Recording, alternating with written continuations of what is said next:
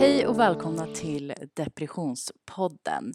En podcast om psykisk ohälsa, att hitta tips och tricks för att klara av vardagen och hur man kämpar igenom den där tuffa delen i livet.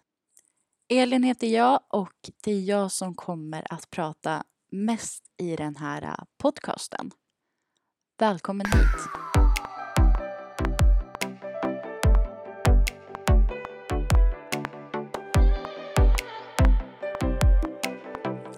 Välkommen till första avsnittet av min nya podd.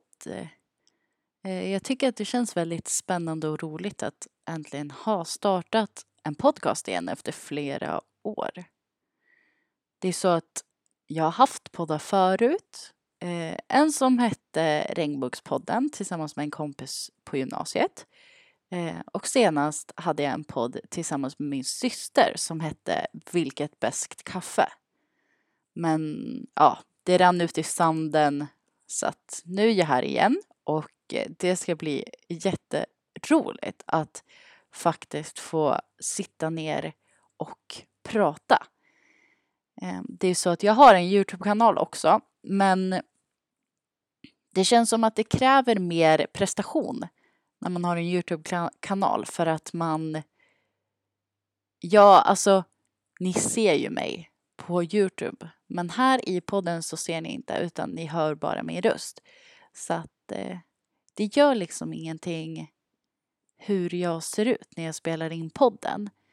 Och ja, det tycker jag ifall, ja, jag tycker för sig inte att det gör det när jag gör Youtube heller. Jag brukar inte alltid ha ett smink eller så. Men eh, nu skulle jag kunna sitta här praktiskt taget naken och spela in podcasten bara för att jag tycker det är skönt. Eh, men naken får jag inte vara på Youtube. Eh, så att, ja. Men i alla fall. Det här första avsnittet kommer vara ett litet pilotavsnitt. Där jag berättar om mig själv och min historia. Och såklart lite om vad podden kommer handla om och vad ni kan förvänta er av mig. Eh, för det första så kan jag berätta att podcasten kommer att publicera måndagar så tidigt som möjligt. Förhoppningsvis redan klockan 00.00 på måndagar. Det är det jag strävar emot i alla fall. Eh, och jag valde just måndagar för att det är på måndagar som många kan känna att de har lite extra ångest. Eh, vi har ju hört talas om liksom söndagsångest och sånt. Eh, och på måndagar så kan man behöva en liten push för att faktiskt kunna gå upp eh, till skolan, till jobbet eller till, ja men gå upp ur sängen helt enkelt. Och då vill jag finnas här för att berätta att du finns som du är du klarar av det du vill och det är helt okej att bara ligga kvar också. Eh, men nu så börjar vi prata om podcastens innehåll direkt och det var inte det som jag tänkte egentligen. Jag tänkte först att jag skulle prata om mig själv och sen om podcasten. Eh, men det går nog bra ändå.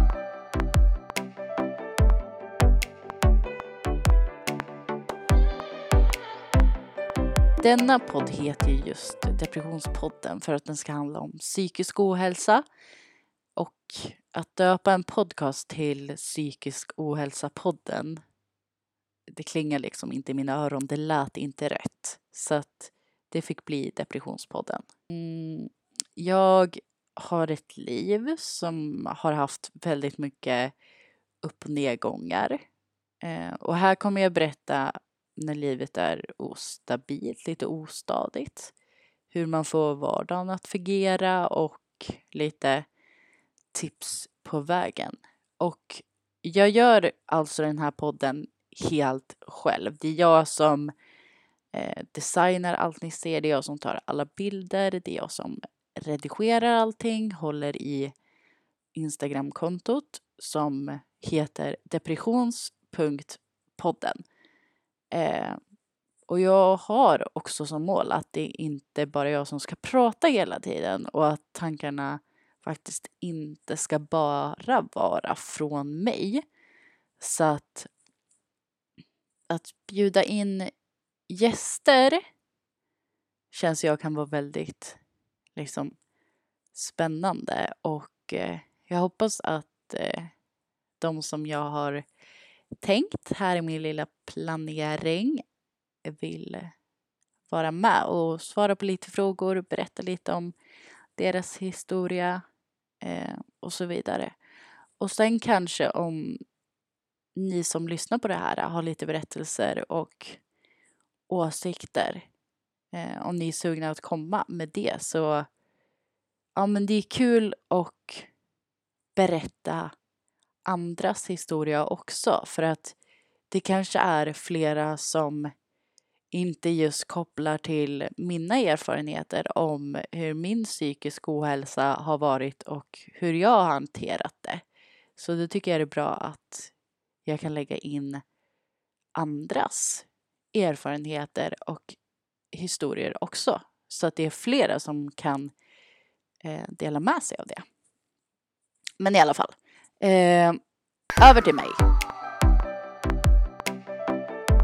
Jag är 25 år och jag kommer ifrån en ort i Västmanland men jag bor just nu i Eskilstuna med min fästman. Eh, jag har bott här i ja, snart ett halvår. Jag har bott här sen i somras, så det är inte så himla länge. Men jag trivs väldigt bra i Eskilstuna och vi bor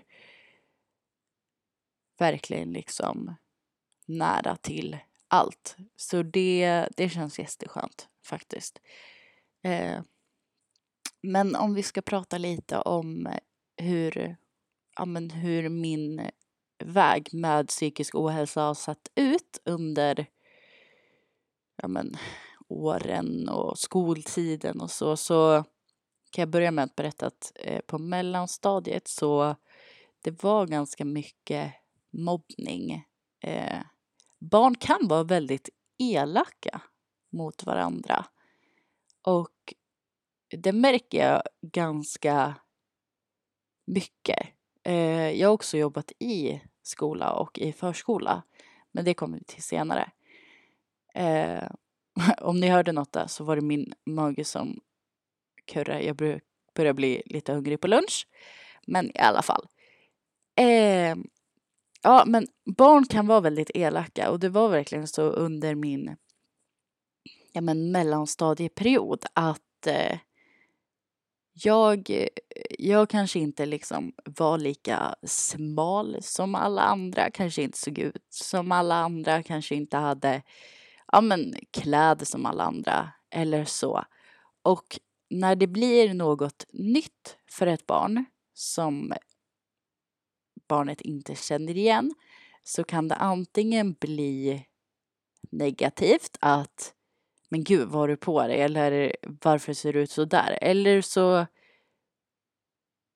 kan ett barn ha lärt sig att det är okej hur den blir och eh, då accepterar den. Men så var det inte för mig utan det var mer att men gud vad har du på dig och shit du är så tjock och eh, akta din tröja åker upp man ser din mage. Alltså ni vet lite sådär alltså ja, de var väldigt, väldigt elaka om man säger så. Eh, jag hade liksom några, några kompisar och så och sen en kompis som jag hade hon, hon var tre år yngre än mig så hon gick liksom på lågstadiet medan jag gick på mellanstadiet. Men eh, under den perioden så gick vi fortfarande på samma skola för lågstadiet och mellanstadiet var tillsammans. Eh, så att jag längtade ofta ut till rasterna då jag kunde umgås tillsammans med henne. För att jag hade rast tillsammans samtidigt som henne. Eh, men hon var också lite så här vad jag minns. Eh, och jag kanske minns fel, men att vi umgicks väldigt mycket med lärarna hellre än med liksom andra elever och andra barn. Eh, och jag tror att i alla fall vad jag vet så var jag väldigt så här empatisk, eh, lojal och eh, jag sa alltid typ så här fina och snälla saker liksom. Ville aldrig att någon skulle vara ledsen och ville inte ha något bråk och sådana saker. Och för att kunna mm, för att kunna avstå sådana saker och för att kunna liksom inte behöva bli blandad med sådana saker så undviks vi mycket med lärarna. Jag tror i alla fall att det var eh, så. Eh, när jag flyttade upp till högstadiet så blev det ännu mycket mer mobbning. Alltså när, när många börjar på högstadiet så handlar det mycket om att hitta sig själv och man vet inte vad man vill och man vet inte var man passar in och vilka ska jag umgås med, hur ska jag se ut. Och så var det mycket för oss också. Det var... Om man inte hade en speciell klädstil, om man inte hade de där byxorna, om man inte var så där lång, om man inte hade klackskor, om man inte använde smink, ja men eh, då var man liksom ingen, då kunde man inte umgås med de coola. Eh, och nu när jag tänker så, alltså det är inget mål med att umgås med de coola. Och det är det jag tänker idag. Men då så tyckte jag att, ja men de kallades ju för de coola och populära för att, för att de var det i ens ögon liksom. De var coola och, och folk ville liksom se ut som dem. Så att ibland så provade jag att umgås med dem och när jag väl gjorde det så var det mer så att de, de umgicks med mig för att de ville typ så här göra om mig. Eh, de ville sminka mig, de ville fixa mitt hår för att ja, de kanske inte var nöjd med att, eh, hur jag såg ut eller de kanske ville att jag skulle passa in mer i deras gäng och ja, det var ingenting som jag fastnade för helt enkelt. Eh, men jag hoppade ganska mycket runt liksom på högstadiet och var med olika sorters grupper, olika åldrar olika människor och jag var verkligen en sån som kunde vara med alla sorters människor. Jag såg liksom ingen, ja men jag såg inget problem med det. Men de som såg problem med det här, det var ju de här olika kompisgrupperna. De här olika kompisgrupperna. Vi säger att jag var med en kompisgrupp på onsdagen och sen en annan kompisgrupp på torsdagen. Då så blev ju den här onsdagsgruppen, om vi ska kalla dem det, eh, då blev ju de liksom arga på mig för att jag umgicks med torsdagsgruppen på torsdagar. Trodde att de hade gjort något fel eller så, men alltså så var det ju verkligen inte. Det handlade bara om att, ja men, jag hade liksom ändå mycket olika folk som jag ville umgicks med, umgås med och för att, för att kunna göra det så, så gick jag runt och var med olika folk helt enkelt. Ehm, det var inget problem för mig men tydligen så var det problem med dem och ja, det slutade väl med jag minns inte så mycket. Jag tror att det var ganska trassligt, ganska jobbigt i den där perioden och eh, med erfarenhet så säger jag att jag i alla fall har någon försvarsmekanism som gör att jag typ glömmer mycket av det eller förtränger kanske mycket av det som hände på högstadiet eftersom att det var så jobbigt och det var så konstigt helt enkelt. Eh, men det var mycket bråk. Det, det var mycket mobbning, kränkande och eh, det var svårt att hitta sig själv i en miljö där man inte fick vara som man ville helt enkelt. Mm. Sen så när jag började på gymnasiet så tänkte jag liksom att ja men nu kommer nu kommer allt bli bra för att nu har folk äntligen mognat. Men tji fick jag.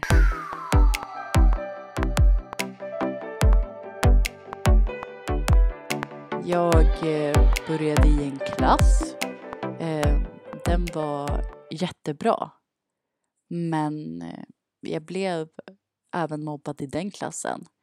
Ehm, fick kränkande sms, kränkande telefonsamtal och eh, det här berättade jag liksom inte för lärarna utan det var mer att jag berättade det för någon kompis eh, som jag hade i klassen. Eh, men ja, alltså jag trivdes ändå ganska bra med majoriteten av alla som gick i den klassen men de här kränkningarna, eh, den här mobbningen som vissa av personerna i klassen utsatte mig för gjorde så att jag eh, helt enkelt böt eh, klass och program på gymnasiet.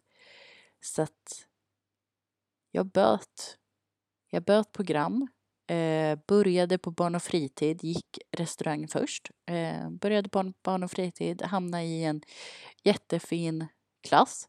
Eh, ja, det var ganska mycket tjafs och bråk i den klassen men det var liksom ingen mobbning, inget kränkande eh, på det viset som jag blev utsatt för. Det var lite bråk och så men det var mer liksom bråk mellan grupper. Eh, inte mellan individer. Eh, på så sätt som det hade varit i, ja men på högstadiet eller på min gamla klass liksom. Mm. När jag väl gick på gymnasiet så uh, hände det en ganska speciell, hemsk, jobbig grej uh, som gjorde att allting bara vändes uh, för mig. Eh, min pappa blev sjuk. Vi trodde att han hade fått en stroke och jag är ganska intresserad av det här medicinska, av det här med sjukvården. Eh, jag har läst på eh, ganska mycket så att när man får, eller när en person som jag ser eh, visar liksom stroke-symptom så vet jag vad jag ska göra för att checka det här. Eh, ni kanske har hört att man ska be personen att liksom eh, le, sträcka upp händerna över huvudet och eh, repetera en mening som jag säger och så. Eh, och allting liksom det funkade för min pappa men det var liksom någonting som inte stämde helt. Eh, och jag hade inte körkort just då, jag var 19 tror jag, men jag hade inte, nej 18. 18 var jag, för jag gick på gymnasiet fortfarande. Eh, jag var 18 då, men jag hade inte körkort. Eh, och jag kunde ju liksom inte skjutsa honom till akuten. Jag ville verkligen inte att han skulle köra. Så att, eh, då ringde vi min syster och hon skjutsade oss till akuten och ja men sen gick det liksom eh, länge. Pappa var liksom inte kvar på sjukhuset länge utan han fick åka hem ganska snabbt och så. De hittade typ ingenting men eh, nu ska vi inte prata så mycket om pappa just utan vi ska prata om hur det här påverkade mig. Eh, mer, även fast det kanske är intressant. Eh, men i alla fall. Eh, jag fick direkt upp i mitt huvud att typ hela mitt liv bara eh, alltså spelades förbi. Alltså ni vet när man kollar på en film och typ någon är nära på att dö eller alltså vad som helst så bara spelar ens liv bara snabbt, snabbt, snabbt förbi. Och Typ så var det för mig. Jag hade sån sjuk dödsångest. För att vad skulle jag göra om min pappa skulle dö?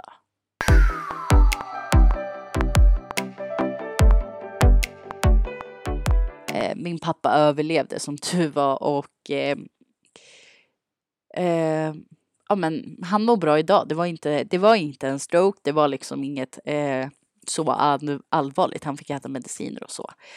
Eh, men han var ju också sjukskriven under en period då. Eh, under den här perioden med eh, massa stress om att jag hade sån liksom dödsångest. Jag visste inte om han skulle överleva, jag visste inte hur farligt det var. Liksom. Jag visste inte så mycket om själva den här sjukdomen. eh, så blev jag jätte, jätte, jättestressad och jag hade magkatarr flera, flera gånger. Jag fick stress för framtiden. Hur ska jag klara mig? Vad ska jag orka? Hur ska jag jobba? Och, och eh, ni vet allting sånt. Eh, och det här gjorde att eftersom att jag hade sån problem med magen, jag hade så magkatarr så vågade inte jag åka eh, bussen till skolan. Jag vågade inte åka kollektivtrafik till skolan. Eh, så min pappa skjutsade mig fram och tillbaka till skolan. Eh, han skjutsade in mig till skolan på morgonen, hämtade mig på eftermiddagen när vi slutade. Varje, varje dag. För att han ville så gärna att jag skulle komma till skolan. Det var många gånger som jag stannade hemma också och ringde till läraren och berättade varför jag inte kom och så. Eh, men jag fick alltså skjuts till skolan varje dag under en väldigt lång period. Fast jag hade eh, busskort. Eh, ja, men sen, ja men saker hände och saker var jobbiga och jag tog studenten och jag hade nästan planerat min eh, begravning nästan till liksom studenten för att jag, jag mådde så dåligt och jag hade sån sjuk eh, liksom, dödsångest efter allt det här som hade hänt efter liksom, grundskolan, efter eh, gymnasiet, efter att pappa hade varit sjuk. Jag hade sån alltså, dödsångest att tänk om jag dör nu. Liksom utan att, utan att jag har planerat det, utan att så att jag, jag planerade min begravning och eh, jag tänkte att jag skulle ta studenten. Sen så, sen så skulle jag liksom avsluta mitt liv där. Det hände ju inte. Jag, jag planerade min begravning. Jag avslutade inte mitt eh, liv, som ni hör. Jag, jag träffade en pojkvän. Eh, det gick bra liksom mellan oss och så. Vi ska inte prata så mycket om honom. Eh, men eh, det gjorde liksom att jag inte... Att jag stannade kvar. Att jag stannade kvar på jorden helt plötsligt. Eller helt plötsligt. Eh, ja, det gjorde så att jag stannade kvar på jorden. Eh, jag började jobba. Jag, hade, jag blev utbildad barnskötare från gymnasiet. Jag började jobba och eh, jobbade på en förskola. Eh, det var många som var sjuka, det var många liksom, barn som var sjuka. Vi hade en stor barngrupp med ett och tvååringar. Eh, några som inte kunde gå, några som inte kunde prata. Det var mycket, mycket att göra. Det var mycket stressigt. Det var många pedagoger som var sjuka. Vi hade vikarier. Och sen bara brast det för mig. Jag kunde inte koncentrera mig. Jag kunde inte fokusera. Jag hade sån ångest att jag inte skulle kunna fokusera eh, så pass mycket på barnen att det skulle kunna hända dem någonting. Alltså om jag stod eh, och jobbade och sen kanske jag tappade fokus. Eh, kanske barnet skulle ramla eller barnen, men att någonting hemskt skulle hända med barnen. Eh, jag gick in i väggen, Mm, blev diagnostiserat med utmattningssyndrom och eh, generell ångest. Ehm, det här var en väldigt, väldigt alltså, tuff, tuff period i mitt liv. Jag, eh, jag var sjukskriven. Jag eh, hade, hade väldigt liksom men jag hade svårt att göra saker överhuvudtaget. Jag låg liksom mest hemma och, och bara liksom sov, eh, åt knappt. Eh, jag glömde bort saker, jag glömde bort hur man tog sig till ställen och Eh, ja, det var verkligen jätte, jätte hemskt. Eh, sen så skrev jag in mig på Arbetsförmedlingen i alla fall när jag hade varit sjukskriven klart. Eh, för jag sa upp mig från det här förskolejobbet för att jag, eh, jag klarar inte av det helt enkelt. Jag skrev in på Arbetsförmedlingen och sen så började jag arbetsrehabilitering. Och det är, det är det bästa som jag har gjort någonsin. Eh, att gå på arbetsrehabilitering. Det gjorde mig verkligen, alltså jag växte som person. Jag mådde så mycket bättre. Och alltså jag lärde mig så mycket om mig själv som jag inte hade eh, vetat förut och som jag inte hade insett förut. Eh, så det var verkligen liksom en ljuspunkt i mitt liv att gå den här eh, arbetsrehabiliteringen.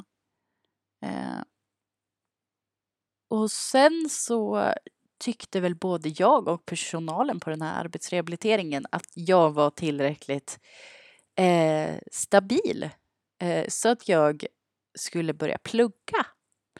Eh, och då sökte jag till socialpedagogutbildningen i Trosa. Och där jag bodde då till Trosa tog det, eller det tar en timme och 40 minuter. Så att det var ganska långt bort. Och det här betydde också en flytt. En flytt från liksom det jag var van vid, de sakerna som jag brukade göra, de sakerna som jag, eh, eh, ja men personerna som jag brukade träffa och, och allt det liksom. Men jag tänkte att det är nog det här jag behöver nu. Jag behöver bara komma bort, jag behöver börja om, jag behöver eh, så att jag började på den här skolan och jag flyttade dit och eh, eh, det var jätte, jättesvårt faktiskt. Eh, det var jättejobbigt att sätta sig i skolan. Jag var jätte, jätteröstlös. Jag tyckte att det var jättejobbigt. Jag eh, hade svårt att koncentrera mig, svårt att fokusera. Eh, en gång utmattad, alltid utmattad och hjärntrött också. Eh, så att det var svårt för mig att fokusera, svårt för mig att eh, kunna ta in det som vi läste i skolan och det vi hade på utbildningen helt enkelt. På den här utbildningen så träffade jag också min nuvarande sambo. Eh, och ja, vi flyttade ihop och allting gick ganska snabbt men det, jag är så tacksam verkligen verkligen, verkligen jätte, jättetacksam att eh, han fanns där när jag behövde honom, att jag fanns där när han behövde mig. Eh, och utan honom tror jag faktiskt att jag hade slutat utbildningen och flyttat tillbaks hem igen. För att det kändes som att jag inte skulle kunna klara av den här utbildningen utan att någon eh, peppade mig och hjälpte mig med det. Mm, ja, men jag gick den där första terminen och eh, jag gick andra terminen och sen kom den här pandemin helt enkelt. Eh, och det här var ju i våras. Vi började att ha vår utbildning på skolan men gick ganska snabbt över till distansstudier. Jag tror att vi gick över till distansstudier i mars. Eh, och hade distansstudier fram till sommarlovet. Och det var så skönt för mig. Från att liksom inte kunna fokusera på skolarbetet, från att inte kunna sitta still, från att känna sig jätterastlös till att liksom få distansutbildning och kunna liksom vara hemma.